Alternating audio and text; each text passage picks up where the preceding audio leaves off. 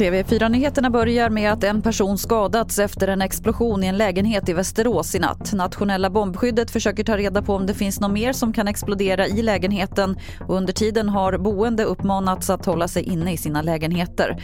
Det utreds som allmänfarlig ödeläggelse men ingen är gripen i nuläget. Idag väntas regeringen ge besked om slutförvar för kärnkraftsavfall. Och en av de tunga frågorna gäller de kopparkapslar som det ska förvaras i och om de kan klassas som säkra. Det är kopparkapslarna som är punkten som kritiserats.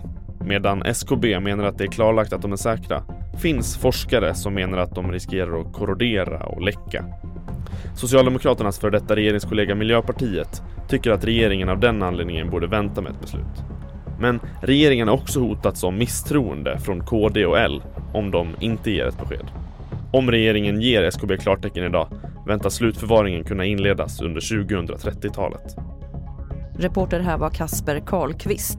Till sist kan vi berätta att SMHI har flera gula varningar ute nu på morgonen, bland annat för plötslig ishalka och stormbyar. I de mellersta delarna av landet kan det komma regn på kalla vägar och bli rejält halt och det här gäller framförallt i östra Svealand och södra Värmland. Gul varning för kraftig vind är det längs västkusten från Uddevalla ner till Helsingborg. Fler nyheter finns på tv4.se. Jag heter Lotta Wall.